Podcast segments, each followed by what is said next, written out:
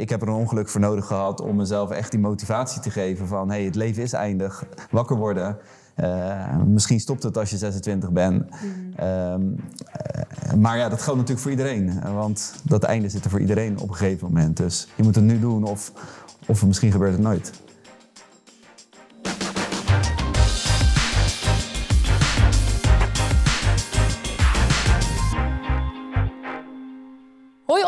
Welkom bij een nieuwe aflevering van de podcast Onbeperkt. Een podcast waarin wij sporters interviewen over zeker hun overwinningen, maar ook zeker hun beperkingen. Want iedereen met een beperking heeft een talent en iedereen met een talent heeft een beperking, toch? Zeker, zeker, zeker. We hebben weer een, uh, een leuke gast bij ons vandaag in de studio. Jij bent professioneel kitesurfer, je bent spreker, je hebt een boek geschreven, Geen Golf te Hoog. Ik zag jou voor het allereerst bij Omroep Max. Dit is Willem Hoofd. Precies. Yes. Welkom. Welkom, superleuk dat je er bent. Leuk dat jullie me hebben uitgenodigd. Ja, heel tof. Nou ja, ik weet nog dat ik je daar zag zitten. En toen ben ik je gaan volgen op Instagram. En toen heb jij mij een bericht gestuurd. Toen heb ik er koffie gaan drinken om eens te kijken van... Ja, om eigenlijk ons verhaal te delen. En dat vond ik heel erg tof. Dus ik ben heel erg blij dat je nu ook in de podcast bent om dat verhaal te komen vertellen. Ja, zeker. Was wel gezellig. Het was zeker gezellig. Maar wat is jouw verhaal, Willem? Ja, ik ben eh, zes jaar geleden in een rolstoel terechtgekomen vanwege een motorongeluk. Eh, ja, je kan je wel voorstellen dat dat natuurlijk best wel eh, een verandering is in je leven. Eh, dus ja, wat mijn verhaal is, is eh, waar ik ook over vertel, is ja, hoe dat voor me is geweest. Hè? Om eh, zo'n grote levensverandering door te maken. Eh, met alle ups en downs die daarbij komen kijken in een notendop. Want Even voor mijn perceptie. Je hebt een, auto, een, eh, een motorongeluk gehad. Een dwarsleesje opgelopen. En vervolgens, wat kan er nog wel en wat kan er niet meer dan? Eh, nou, in mijn geval is het een, eh, een complete dwarslesie vanaf eh, mijn heup naar beneden toe. Dus mijn beenspieren en mijn bilspieren die werken niet. Maar mijn buikspieren en rugspieren en alles daarboven werkt nog wel volledig. Dus ja, heel praktisch betekent het dat ik gewoon goed rechtop kan zitten, maar niet kan lopen of, of staan. Ja. Want hoe zag je leven eruit voor die beruchte dag in 2016? Ehm, ja, ik was toen door tijd werkte ik als engineer bij Tata Steel in IJmuiden. Dat eh, kennen jullie vast wel als veel in de media de laatste tijd. Ja, zeker. Niet alleen de laatste tijd. Eh, ja, ja, altijd wel. altijd wel, ja. Maar eh, nee, ik heb daar eh, wel een hele fijne ervaring gehad. En ehm, eh, ja, ik woon in Amsterdam. Eh, huisje op de Wallen. Met eh, twee vrienden samen. Eh, ik had een motor. Ik was eh, fanatiek surfer. Eh, eigenlijk ja, vooral heel sportief bezig. En hard aan het werken aan mijn mijn carrière. Je zegt surfer, sorry dat ik je onderbreek. Maar eh, toen al kitesurfer of echt gewoon windsurfer? Eh, toen was ik windsurfer. Ja. Ja. En ik, eh, ik had een paar keer gekiten. Eh, ik deed af en toe op, op vakantie wel eens golfsurfen. Maar windsurfen, dat was echt mijn passie. Ja. Toen ja. al. Toen al, zeker. Ja. Je was inderdaad ook best van de extreme sport. Want motorrijden was geloof ik ook echt een passie van je. Eh, motorrijden vond ik ook echt leuk om te doen. Eh, maar voor mij was het surfen wel echt eh, ja, met eh, kop en schouders de nummer één. ja. Kun je nog terugdenken aan het motorongeluk? Eh, zeker, ja. Doe je dat ook nog? Of? Eh, ook zeker, ja. ja. Ik ben tijdens het ongeluk eh, bij bewustzijn geweest. Dus ik, ik herinner het me ook ja, als, als de dag van gisteren, zeg ik wel eens. Want het is een soort van film die zich kan afspelen. Ehm, tijdens mijn lezingen vertel ik er ook eh, regelmatig over. Dus ja, het is voor mij ook, ik vind het ook fijn om af en toe over, over te vertellen. Ik denk dat het goed is om dingen te blijven, te blijven Ja. luchten. En, eh, Maar ja. kun je er iets over vertellen? Eh, nou, zeker. Ik, het, het was ja, eigenlijk een ochtend als alle anderen. Eh, 22 december 2016 in mijn geval. Eh, en ik reed naar mijn werk vanuit Amsterdam naar Tata Steel in. Eh koude winterochtend, vlak voor kerst. En ehm, ja, ik reed de stad uit de snelweg op. En daar werd ik plotseling verrast, want eh, ja, ineens voor de Wijkertunnel stond er een, eh, een stoplicht op rood. Ja, en de reden dat ik daardoor verrast werd is omdat je natuurlijk normaal gesproken op de snelweg eh, geen stoplicht hebt. Maar soms zie je wel eens voor een tunnel of een brug die open staat dat er toch een verkeerssysteem is. Maar die staat dan of uit of je ziet al kilometers van tevoren van die ja, waarschuwingsborden. En die hadden nu niet aangestaan. Dus ja, ik rijd daar eigenlijk met volle snelheid en ineens zie ik dat licht op rood springen. Dus ja, ik schrik ervan. En de auto voor me ook. Eh, die remt en gelukkig laat hij zijn rem ook weer los. Want ik denk, ja, met deze snelheid stoppen, eh, dat gaat nooit lukken. Eh, maar op het allerlaatste moment maakte hij alsnog een volle noodstop. Dus ja, ik kon ook niet anders dan vol in de ankers met mijn motor. En ik heb allebei mijn remmen ingeknepen. En ja, ik herinner me dat ik de wielen van mijn motor voelde slippen. En dat ik dacht bij mezelf van, ja, alsjeblieft, weet je wel, laat je rem los. Want eh, ja, de weg voor ons was, was helemaal leeg. Maar ja, dat deed hij helaas niet. Dus eh, ik heb de auto voor me geraakt. Eh, geschampt moet ik eigenlijk zeggen, want ik stond wel bijna stil. Eh, ik ben tegen me aangekomen en omgevallen. En ja, terwijl ik viel, dacht ik eigenlijk, gelukkig, dit loopt af met een sisser. Want ja, het had veel erger kunnen aflopen. Ik stond, ik stond gelukkig wel bijna stil. Maar op dat moment kwam er van achter een auto aan die me dus met, met volle snelheid aanreed. En dat is eigenlijk de klap geweest die, die alle schade heeft, heeft gemaakt. Eh, wat ik me herinner is dat het in één keer zwart werd voor mijn ogen. En een moment later voel ik mezelf op de weg weer neerkomen. Eh, ik heb ja, later gehoord dat dat eh, 41 meter verder was dan eh, waar mijn motor lag. Dus dat is een behoorlijke klap geweest. Eh, die auto's met eh, 90 km per uur, zei die mevrouw ongeveer, eh, reed ze toen ze tegen me aankwam. Dus ja, ik ben wat dat betreft blij dat ik hier gewoon nu zit om eh, mijn verhaal te kunnen vertellen, weet je wel. Ja. Ja. Ja, en eh, ja, toen ik daar ook lag, dat ik, het eerste wat ik dacht is ik moet de weg af, want er komen auto's aan. En ik wilde omhoog komen om weg te kruipen. Ja, en op dat moment voelde ik dus dat mijn lijf niet meer reageerde. Ja, en toen eh, begon het, eh, het nieuwe hoofdstuk in mijn leven. Om het maar even zo te noemen. Ja, nou ja, inderdaad wel echt letterlijk denk ik een nieuw hoofdstuk. Gewoon van het een op het andere moment. Ehm, Ja, zeker. ja, ik heb jouw boek gelezen, dus ik moet wel zeggen, ik, ben, ik weet echt heel veel al. Eh, dus ik denk elke keer van, oh ja, zo ging het. Want, ik, nou, wat, want nu, je was dit aan het vertellen, wat bij mij even, toen moest ik weer denken, dat heb je in je boek gelezen hoor, maar dat je moeder op de radio hoorde dat er een motorongeluk was gebeurd bij de tunnel bij IJmuiden. En zij wist dat jij altijd met de motor daar naartoe ging. En dat zij toen dacht, het zal toch niet, het zal toch niet. En ze lag nog in bed en toen dacht ze, ja, ik ga toch maar even douchen. Ja, een soort van, dan ben ik ready als ik moet of zo. En toen kwam ze inderdaad uit de douche en toen eh, werd ze gebeld, geloof ik. Ja, klopt inderdaad. Dat, eh, Toch wel, ja. ja, mijn moeder die kon wel eens vaker eh, bezorgd zijn. Van, eh, Ja, oh, die dan, had eh, altijd al een beetje dat... moeder, denk ik. maar, Ja, eh, ja, maar jij was wel iemand die de grenzen opzocht, weet je wel. Dus dan word je denk ik ook wel zo'n moeder die dan denkt, oh god. Ja, dus ehm, ja, dat, eh, eh, dit keer had ze het bij het rechte eind. Ja, ja. ja.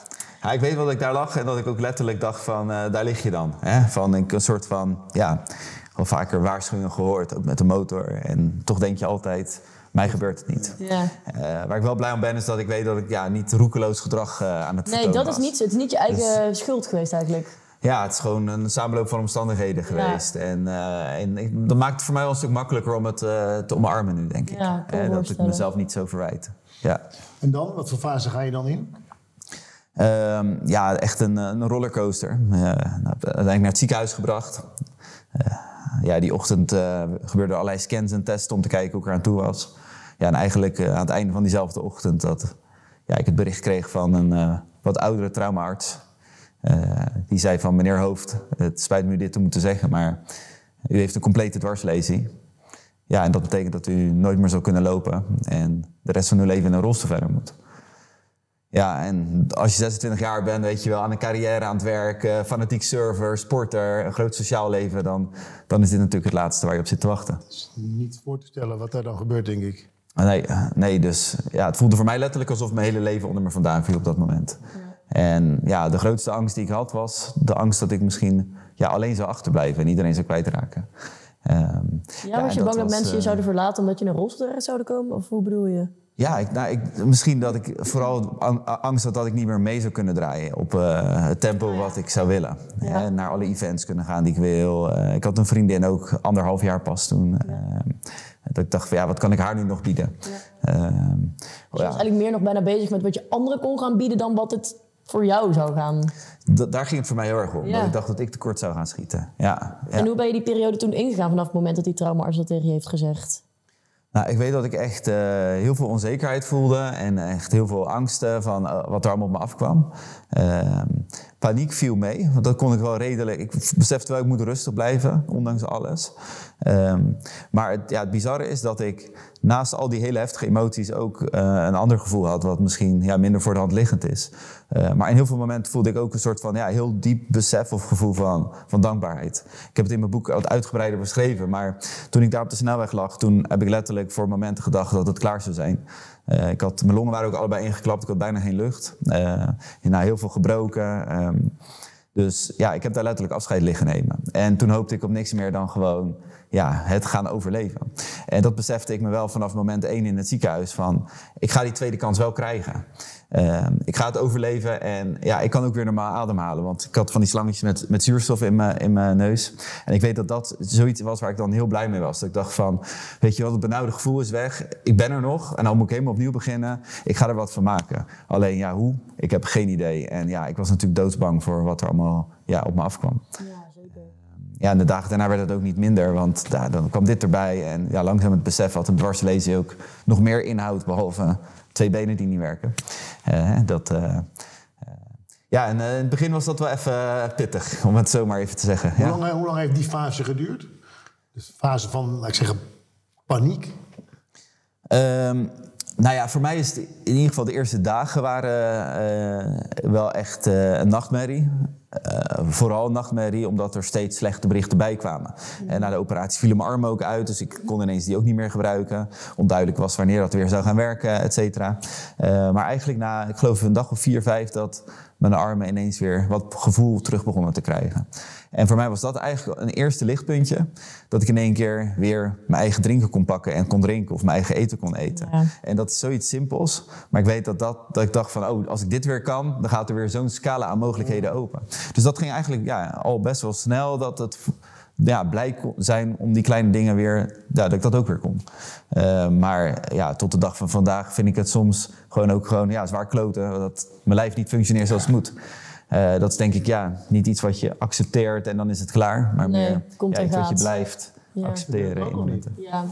Althans, ik, ik ervaar het heel erg zo dat het inderdaad... Nu heb ik er geen last van, maar er komt wel weer een keer dat ik er wel last van ga hebben. Maar dat is ook vaak als je nieuwe dingen gaat doen... of in in een omgeving komt waar je niet eerder bent geweest. Of, tenminste, dat heb ik heel erg. Ik heb mijn leven nu zo ingericht dat het gewoon lekker werkt voor mij allemaal. Omdat ik dat zelf regel. Maar als je dan buiten dat, die comfortzone gaat...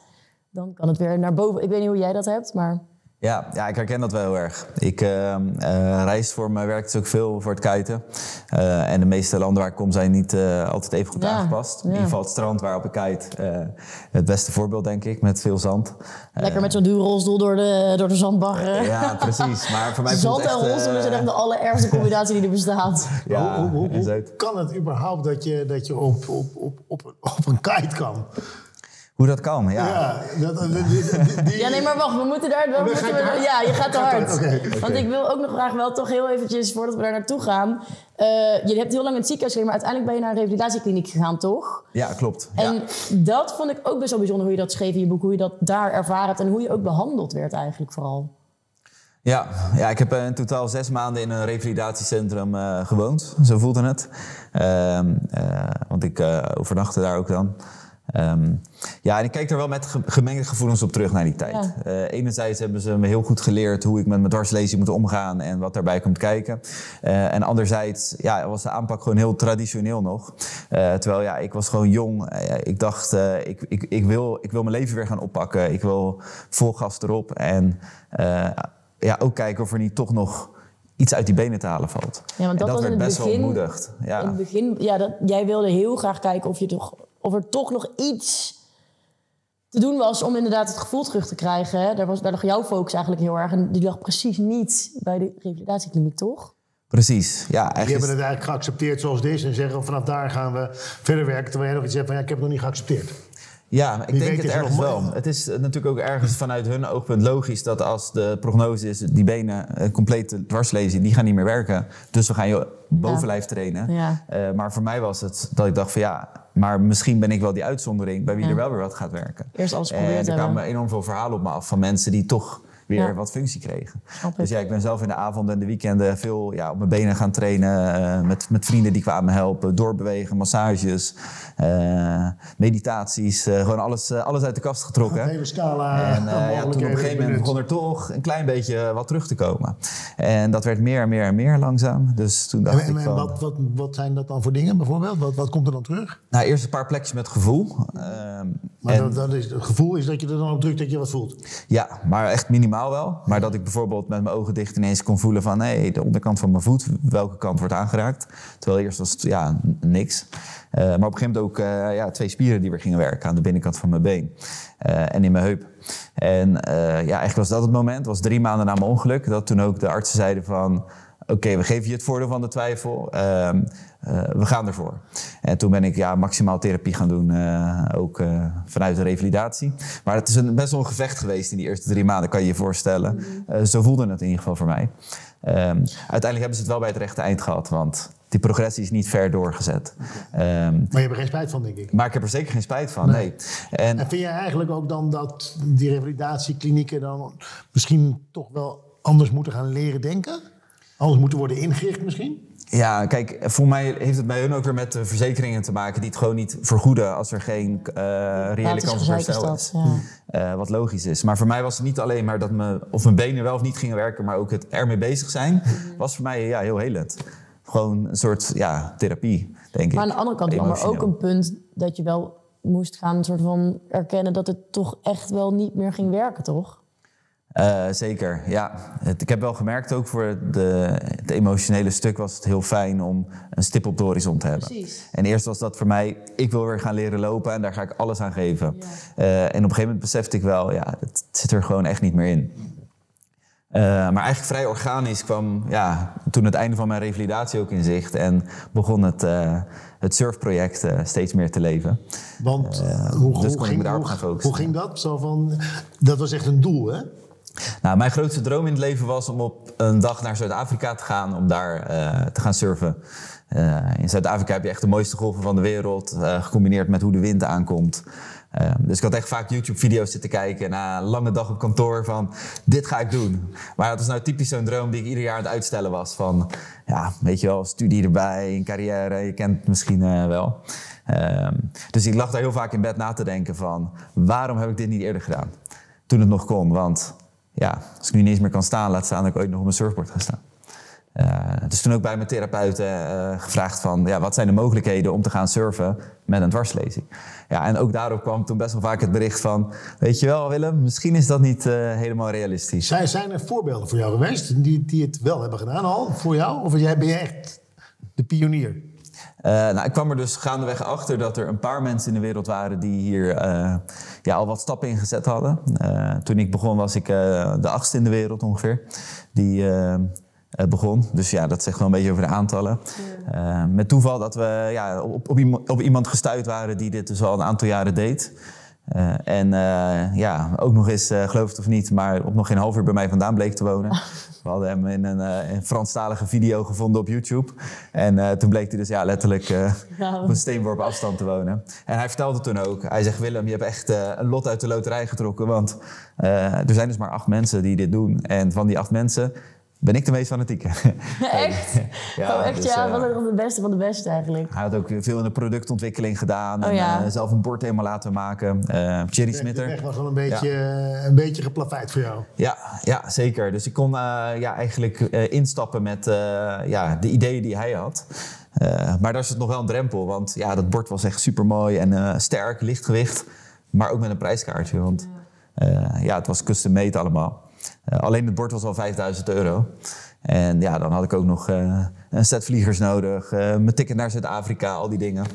Dus ja, en terwijl ik net de revalidatie uitkwam en niet echt een zekerheid had op mijn financiële toekomst, was dat... Ja, want Ja. dan vraag ik me, want oké, die stip op de horizon was eerst leren lopen. Nou, dat, die verdween op een gegeven moment, die stip. Dat werd dan, denk ik, eh kitesurfen in Zuid-Afrika opnieuw. Maar hoe ben je die, kliniek, die revalidatiekliniek uitgegaan? Want toen was je wel ineens in deze wereld met een rolstoel waar je nog nooit eerder zo was geweest. Eh, ja, klopt, klopt. Ja, het is sowieso wel heel erg wennen geweest om eh, de wereld weer in te gaan in een rolstoel. Ehm, dat was ook tijdens mijn revalidatie eigenlijk al dat ik ja, momenten had dat ik natuurlijk naar buiten ging en de stad in. En ja, ik vond, ik vond het in het begin wel echt eh, best wel heftig. Wat vond je dan heftig? Eh, bijvoorbeeld als ik dan eh, de binnenstad van, van Rotterdam in ging, ik heb daar gerevalideerd, dat ineens iedereen groter is dan ik. Ja. Eh, ik vond het best wel intimiderend en ook het besef dat ik dacht van, oh, als er iets gebeurt nu, dan ja, kan ik niks doen of zo. Ik kan mezelf niet verdedigen of ik kan niet voor mijn vriendin iets doen. Of ja, ik weet dat dat bijvoorbeeld een gevoel was wat me ja, in het begin wel even onveilig liet voelen, bijvoorbeeld in die nieuwe situatie.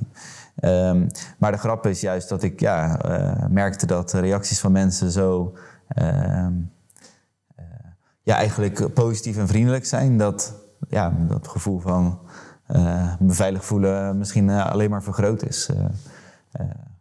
Sinds ik in fijn. een rolstoel zit. En je zei straks ook eventjes dat een dwarslesie... Mensen denken meteen, oh, ik kan niet meer lopen. Maar er komt eigenlijk veel meer bij kijken, toch? Het hebben van een dwarslesie. Kun je daar ook iets over vertellen? Eh, zeker, ja. Het is namelijk dat niet alleen ja, je benen niet werken, maar ook de aansturing van bepaalde organen werkt minder goed. Eh, in mijn geval eh, mijn blaas en mijn darmen. Ook ja, je huid wordt minder goed door bloed, dus kans op doorzitplekken. Of, ja, dat eh, heb ik ook wel wat eh, problemen mee gehad.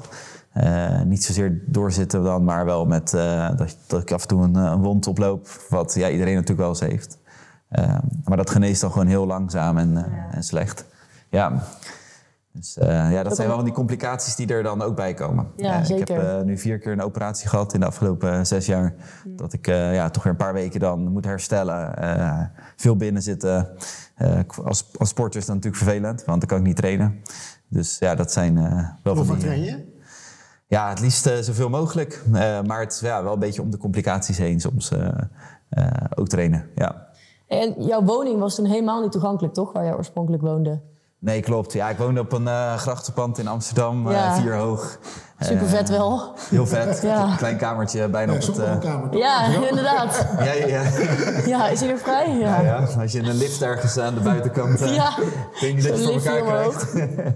maar nee, ja, toplocatie, eh, maar niet voor met de rolstoel. Nee. En ja, ik moet zeggen, ik vond het ook niet heel erg om er te verhuizen. Want eh, hoe leuk eh, het ook is, het Amsterdam Centrum is ook zo druk... dat ik ook wel na het is het 2,5 jaar wonen daar het ook wel weer een beetje gezien had. Ja. En toen ben je weer in Rotterdam gaan wonen. Dus eh, terug naar Rotterdam gegaan. Ehm, daar toen eh, eigenlijk eh, ja, onder tijdsnood een, eh, een huisje gevonden. Ja. eh, toen ik de revalidatie uit mocht. Eh, daar woon ik eigenlijk nog steeds. Ja. ja. En toen, dat vind ik dus ook een leuk verhaal, eh, moest je daar gaan verbouwen. Ja, Maar dat lukt natuurlijk niet allemaal zelf. nee, zeker. zeker. Dacht jij, dit, hier moet ik iets op verzinnen? Ja, ja goeie. Dat, eh, ja, ja, ik herinner me dat ik op een gegeven moment de sleutel van mijn huis eindelijk had. Eh, want ik was op een gegeven moment wel echt aan toe om weer op mezelf te gaan wonen. Eh, echt een plek waar ik even ook alleen kon zijn. En ik weet dat ik mijn huis in kwam. En ja, overal hing het behang aan de muren half af. Spinnenwebben. Het was een huis wat al een tijdje leeg stond. En ik ben altijd wel een klusser geweest. Dus ja, mijn handen jeukten echt om aan de slag te gaan. En ik was dan ook wel iemand die dan vroeger aan de slag zou gaan... en tot vier uur s'nachts gewoon bezig zou zijn met de vloer leggen en dit en dat. Ja, en ik zat daar dus en ik besefte me van... ja, ik kan wel wat dingen doen, maar de belangrijkste dingen niet. En ja, dat was zo'n harde confrontatie met het feit van...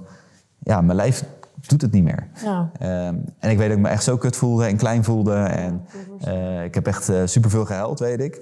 Dat is een van die dingen die ik ook echt wel geleerd heb om dat echt eruit te laten. Ja, toen op een gegeven moment dat ik in de tuin zat en ik dacht van ja, hoe ga ik dit aanpakken? Dus toen dacht ik, weet je, er hebben zoveel mensen gezegd na mijn ongeluk... als er een keer iets is, Willem, laat het me weten. Maar ja, die mensen hebben natuurlijk nooit echt meer wat gestuurd. Eh, en toen dacht ik, maar waarom eigenlijk niet? Weet je wel, weet je wat, ik ga gewoon iedereen een bericht sturen... eh, en dan zie ik wel wie er komt. Eh, om te helpen met mijn huis dan. Briljant. Ja. En, eh, maar ik voelde ook heel erg een soort van angst voor afwijzing. Want Ja, ik denk, ja, ik. die mensen hebben die hulp aangeboden... maar wat als ze dan nu niet komen opdagen? En dan voel ik me nog meer alleen of nog kleiner. Zo, zo, zo zat ik daar. En ik weet dat ik de volg- volgende ochtend wakker werd... en echt, ja, mijn hele telefoon rood gloeiend. en eh, heel veel mensen die ook inderdaad niet konden. Maar ik denk dat, eh, ik geloof dat iets van 30 mensen waren in twee weken tijd... die waren komen helpen.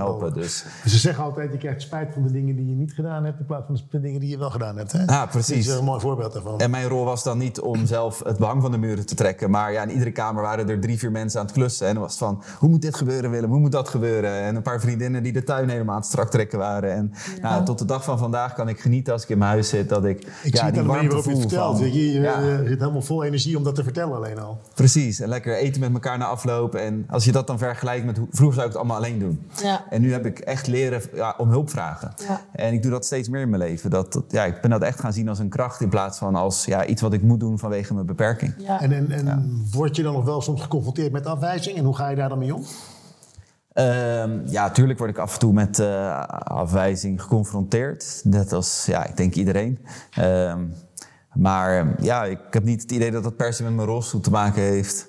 Eh, ja, en afwijzing is nooit fijn of zo, maar ja. Maar dan kan je wel nu wel makkelijk mee dealen.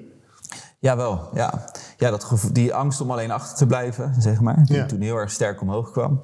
Ehm, Ja, ik, ik, ik vind het juist ook wel mooi, mooi dat ik dat toen heb kunnen voelen. Dat ik besef van, oh ja, als het echt erop aankomt, dan is dit kennelijk mijn grootste angst. Ik ben echt een sociaal dier en ik hou van mensen om me heen hebben. En ja, ik heb gemerkt dat die er eigenlijk altijd zijn. En ja, het is iets wat ik misschien uh, alleen maar meer ben gaan waarderen sindsdien. Ja. Je huis was af.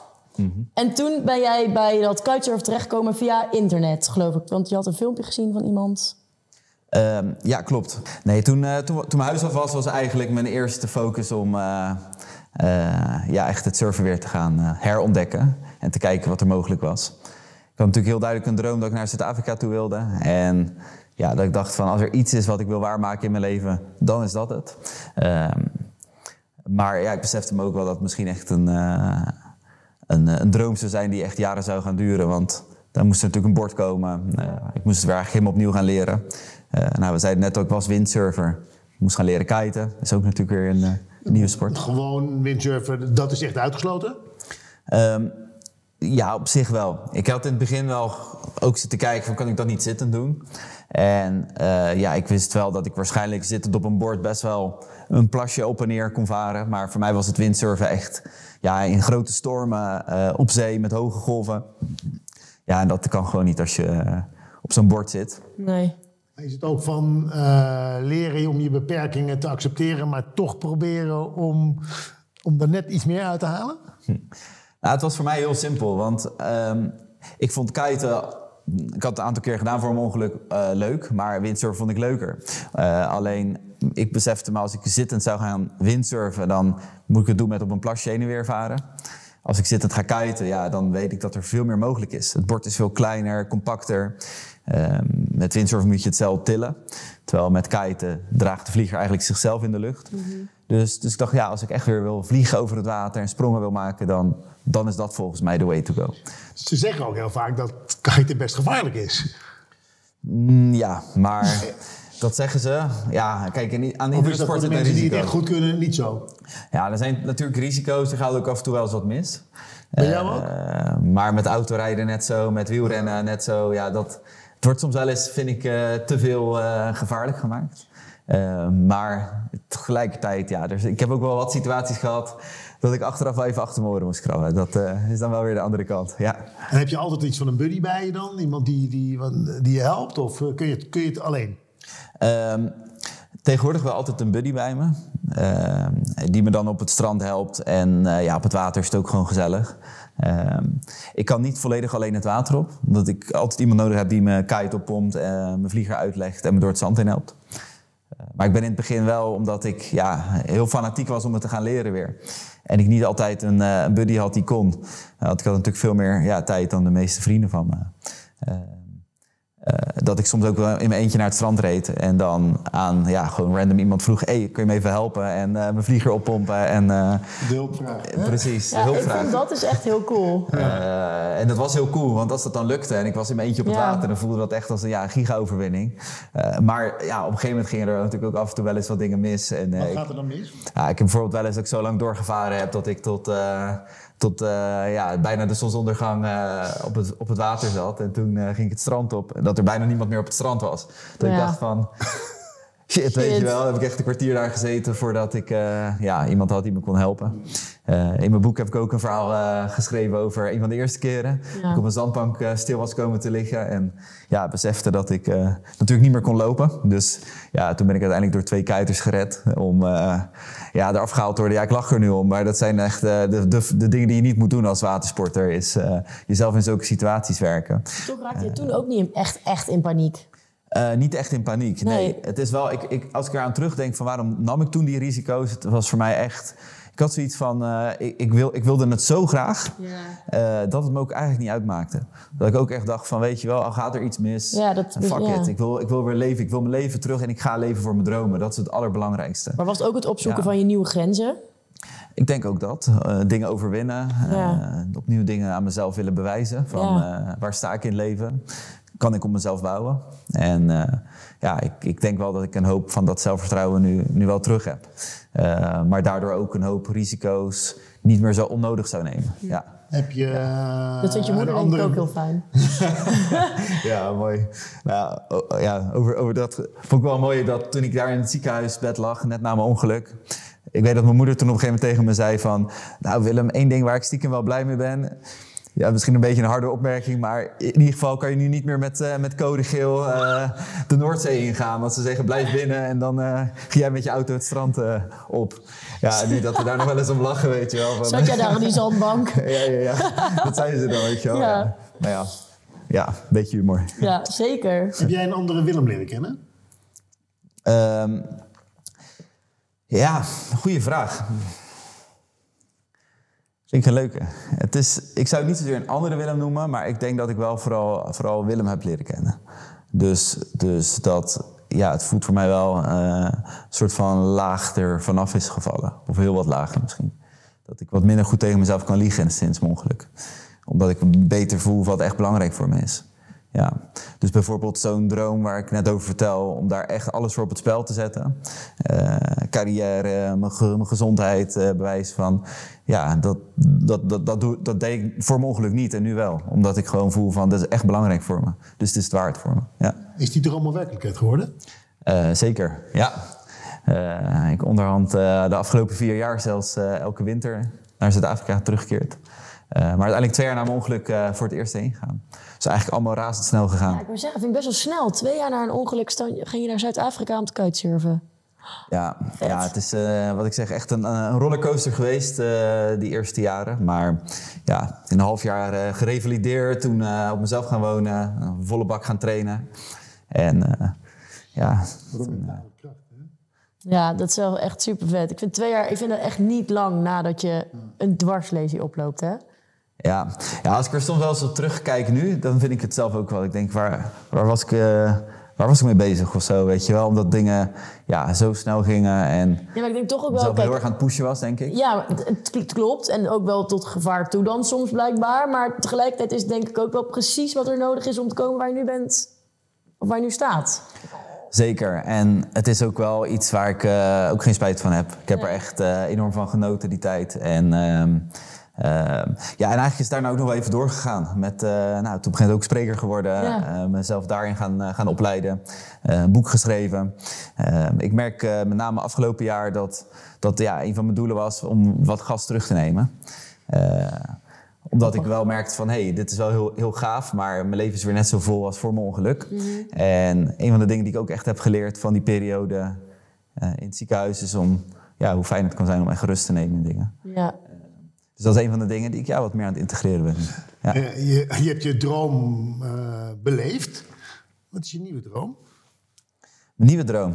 Nou, ik heb sowieso een, een droom op, op surfgebied. om veel meer mensen op het water te zien met een beperking. Uh, zodoende ook een stichting opgezet die ja. dat als doel heeft. Welke stichting is dat? Willem Hoofd Foundation. we organiseren in Nederland en België ook sportdagen waar mensen kunnen leren zittend wakeboarden. we zijn bezig met het opzetten van een programma voor het kiten. ja, we geven uitleg aan kitescholen, materiaalontwikkeling. Dus ik zou zeggen, als je geïnteresseerd bent om ja, hier meer over te weten, neem contact met ons op. Um, ja, en verder uh, het lijkt me heel gaaf om te zien dat het kiten voor uh, ook een Paralympische sport gaat worden. Dus uh, ik ben me daar ook voor aan het inzetten. Ja. Moeten er natuurlijk wel eerst meer sporters komen. maar ook parallel aan het lobbyen bij grote organisaties, Red Bull, Paralympische Commissie. Ja. Want hoe, moet ik dat nu, hoe, hoe ziet je leven er dan nu uit? Ben jij heel de winter aan het, aan het kitesurfen en dan kom je weer naar Nederland om lezingen te geven? Of waar moet ik aan denken? Um, ja, het wisselt inderdaad af. Ik ben veel op reis. Dus, ja, dat is ook wel echt vet, toch? Ja, zeker. Ik denk de afgelopen twee maanden uh, ja, uh, meer in het buitenland gezeten dan in Nederland. Als ik er zo op terug denk. Egypte geweest, Frankrijk voor het skiën, Zuid-Afrika. Um, maar het, ja, het is niet dat ik een, een, hele strakke planning heb. Ik probeer het ook echt wel daar in mijn gevoel te blijven volgen. Ja. voor mij is in Nederland probeer ik echt wel ja, veel ook ja, te werken. Uh, ook met lezingen, ook voor de stichting. Ja. Uh, doelen behalen. Maar juist ja, op surftrip is voor mij die, die empty time, die lege tijd. Waarin ik echt uh, lekker het moment wil zijn. Lekker met de natuur en de elementen. En even lekker alles ja, voelen wat er gebeurt. Tegen wat dus, voor ja. belemmeringen loop je nog op? Financiële belemmeringen bijvoorbeeld? Of, of? Uh, ja, op dit moment uh, niet gelukkig. Uh, want sinds drie, drie, jaar dat ik het kiten dan nu professioneel doe. Dus ja, daar krijg ik dan voor betaald. Uh, Wat, eh, wat natuurlijk heel fijn is, want het is een dure sport om te doen. Ehm, maar met dat ja, die kansen ineens ontstonden, zodoende dat ja, ook het besef kwam van eh, er zijn ongetwijfeld veel meer mensen die dit ook gaaf vinden. En ja, ik heb in het begin heel erg gevoeld hoe die financiële belemmering kan zijn.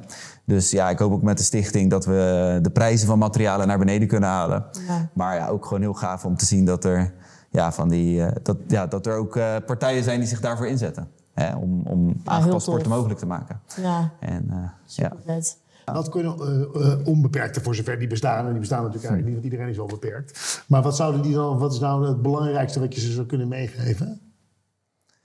Ehm, ja, het, ik, ik denk eigenlijk wat je zegt van ja, ieder- iedereen is ergens onbeperkt of ook weer beperkt. We hebben allemaal onze dingen.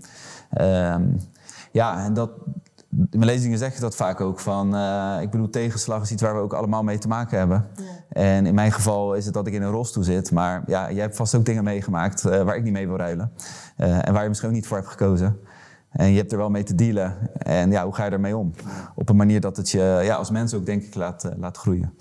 Ehm, en dat vind ik vooral, ja, dat is denk ik wat ik vooral wil meegeven met, met mijn verhaal. Dat, ik geloof dat er in elke tegenslag ook echt een, een parel verborgen zit of een levensles verborgen zit.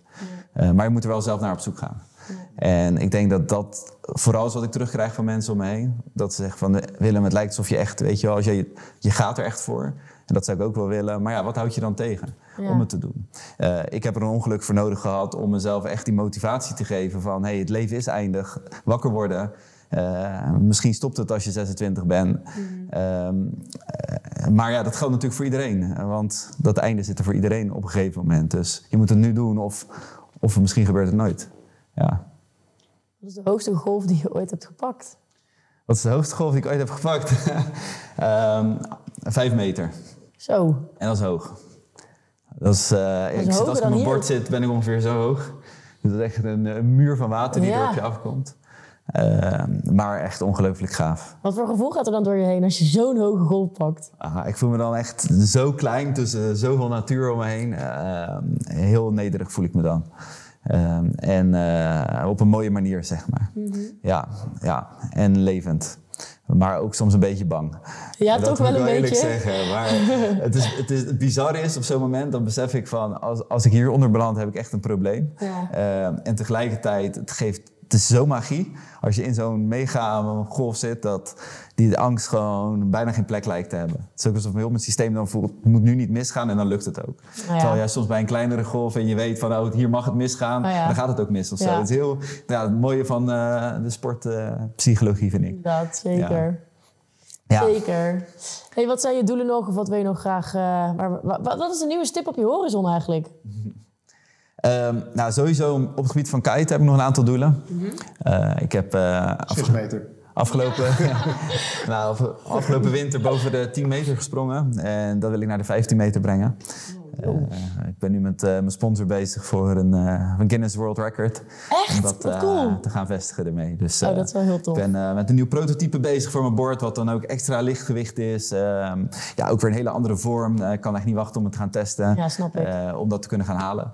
Ja, dat vind, vind ik heel leuk om mee bezig te zijn. Ja. Ehm, ja, verder hoop ik ook, wat ik zeg, echt veel mensen op het water te gaan zien en me daarvoor in te zetten. Ja, super tof. Heb jij wel eens gesurfd? Ik heb wel gezegd, maar ik, ik eh, ben meer een balsporter. Dus, ehm, Oké. Ja. Ik vind het een beetje een laf excuus. ja, vind je? maar ik wil eh, dolgraag een keer eh, met je mee. ja, hartstikke leuk. Ja? Van harte welkom. Echt dolgraag. Dat, eh, en jij?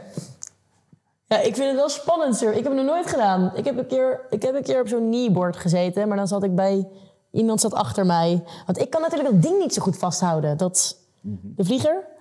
Dus ik, ehm, ja... Ik Ja, of het. gegolfsurfd of iets in die trant? Eh, Nee, dat heb ik allemaal een nog nooit. Of, Ja. dat heb ik wel eens gedaan, maar verder heb ik eigenlijk niets voor ervaring. De- ja.